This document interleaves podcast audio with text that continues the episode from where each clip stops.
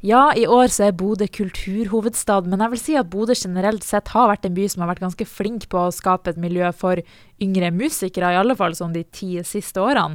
Og i dag så er vi med oss 19 år gamle Kristine Flem Villassen, Bodø-jente som nå har flytta til Lillehammer for å satse på låtskriving, og i dag så gir hun ut debutlåta si 'Is It Killing You'. Og vi har med oss Villassen på telefon, eller Rovas, som er artistnavnet hennes. Hallo!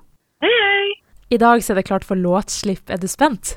Ja, jeg er veldig, veldig spent. Det er første låta mi som kommer nå, som heter Is Killing You, så jeg er veldig spent på at den kommer ut. Er dette en låt du har jobba lenge med? Eh, ja, jeg skrev den for et par år siden, og så produserte vi den først i Bodø, og så har jeg fått den ferdigprodusert på den skolen jeg går på nå i Lillehammer. Ja, hva denne låta de handler om? Den handler om det um, Det kommer i EP-en min, som handler om det å komme seg over et brudd. Eh, og denne låta handler om det at du egentlig savner denne personen og lurer på om den føler om det samme. da. Hvor du henter inspirasjon fra når du skriver musikk? Jeg har egentlig vært veldig sånn fiktiv og bare funnet på ting. Men i det siste har jeg begynt å skrive mer om egne følelser. Men det er jo bare å hente inn inspirasjon fra både det miljøet rundt og også det man har følt på sjøl. Og nå som du sier, så har du altså havna i Lillehammer på skolen Limpi. Kan du fortelle litt mer om skolen og hva det er du studerer? Ja, Det er ekstremt spennende. Så Jeg går på en skole hvor vi lager musikk hver dag. Eh, og vi har jo mentorer som kommer inn som har laga store hits, sånn som Ina Wroldsen. Og ja, store mentorer som kommer inn og hjelper oss med å bli bedre. Så vi driver og skriver låter hver dag og egentlig jobber for å være klar for uh, musikkindustrien. Og det er jo bare 19 år, tross alt. Kommer du da direkte fra videregående? Ja, jeg gikk på musikklinje i Bodø, så etter det så hadde jeg bare lyst til å satse musikk, så da søkte jeg på Olympi. Ja. Hvordan er det å på en måte gjøre det du har lyst til å drive med på skole, er ikke det litt artig? Eh, det er ekstremt artig å bare satse. Det var litt skummelt å bare tørre å ta den sjansen, men så var det sånn jeg føler jeg er klar. Så eh, mm. ja, det er ekstremt gøy å gå på skole med folk som gjør det samme. Vi er jo 50 stykker som lager musikk i lag, så det er ekstremt spennende. Er det litt sånn vanskelig når man kommer gjøre det litt sånn under press, på en måte, siden dere gjør det på skolen, eller går det helt fint?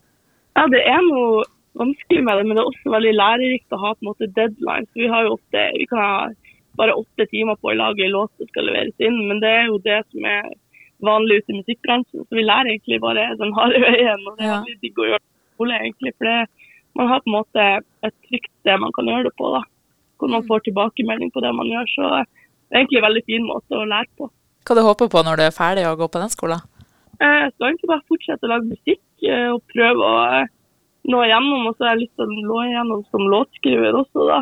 Mm. Så jeg går egentlig begge veiene. Eh, men bare å skrive masse musikk, og så forhåpentligvis at eh, når igjennom måløyet, da. Ja, og hvis du hadde slått igjennom som låtskriver, da, og du på en måte fikk velge en drømmeartist å skrive en låt til, hvem hadde det vært? Ja, det er mye sånn skandinaviske, sånn som Dagny og Astrid Det er jo egentlig de som er forbildene mine. Så mm. jeg vil egentlig starte her. Jeg har veldig lyst til å komme meg dit og bli for store artister som dem. Ja, Hvor lenge har du drevet med musikk, da?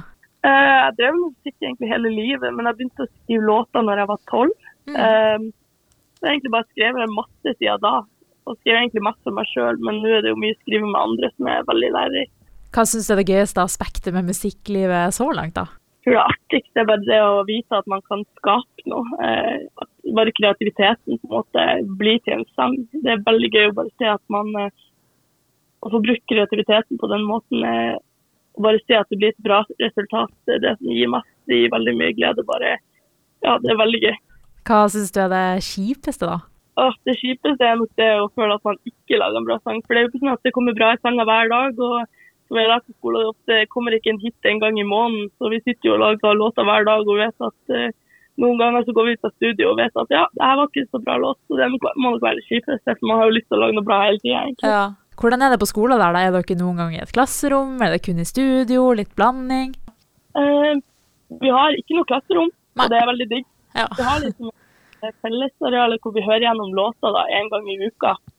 Eh, så får vi feedback på låtene, og da hører hele klassen på. Og så er vi i studio egentlig mye. Men vi har også klasser sånn som Music Business, hvor vi lærer om liksom, industrien og hvordan man skal klare å nå igjennom. da.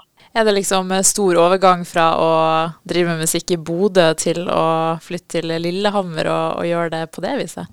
Ja, det er veldig annerledes. Fordi I Bodø så har vi ikke egentlig så stort miljø for det altså låtskrivingaspektet, føler jeg enda. Det er veldig mye sånn bandmusikk og, mm. og liveopptredener, og det er, sett veldig pris på. Liksom få spill på scener, sånn som Svømmeren scene. og man får veldig fort, Det har jeg merka at man skal være veldig glad for at eh, man får spille på scener fra en ung alder i Bodø.